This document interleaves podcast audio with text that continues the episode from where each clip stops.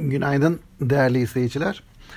Hafta sonunu yoğun bir gündemle kapattık. E, malum hafta sonunun en önemli konusu Türkiye Cumhuriyeti Merkez Bankası Başkanlığı'na Profesör Doktor Şahap Kavcıoğlu'nun getirilmesiydi. Eski Başkan Naci Ağbal'ın yerine. Ee, geçtiğimiz hafta borsa açısından ise e, biraz satış baskısının yoğun hissedildiği bir e, sürece rastlamıştık. E, bu haftaya da yine bir miktar e, satış baskısıyla girecek gibi görünüyoruz. Şu anda seans öncesi işlemlerde TL'nin bir miktar güç kaybettiği, CDS primlerinde e, hafif bir sıçrama beklentisinin olduğu, yatırımcıların risk algısının biraz zayıfladığı, tahvil faizleri yine bugün yakından izlenecek. Tahvil faizlerinde yükseliş olup olmayacağının merakla beklendiği bir gündem var önümüzde.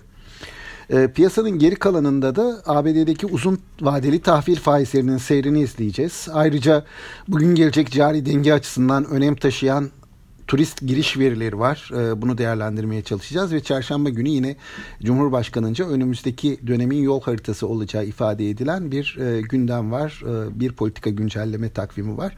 Bunları öğrenmiş olacağız. Yakından takip edeceğiz. E, genel olarak baktığımda piyasanın eğilimine, piyasa beklentilerine haftaya biraz zayıf bir açılış bekleniyor açıkçası. Bunu ifade etmekte fayda var. Sonrasında ise bu satıcılı seyrin birkaç gün daha sürebileceği belirtiliyor belirtiliyor. Dolayısıyla yatırımcıların hani bu hafta başındaki olası satış sırasında panik yapmamalarını ama satışa hazırlıklı olmalarını ben öneriyorum.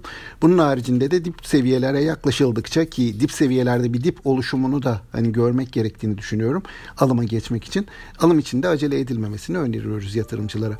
Ee, haftanın ilk günü için görüşlerimiz ve yorumlarımız bu şekilde. Ee, tüm yatırımcılara sağlıklı, bol bereketli, kazançlı günler diliyorum. Yeniden görüşmek dileğiyle.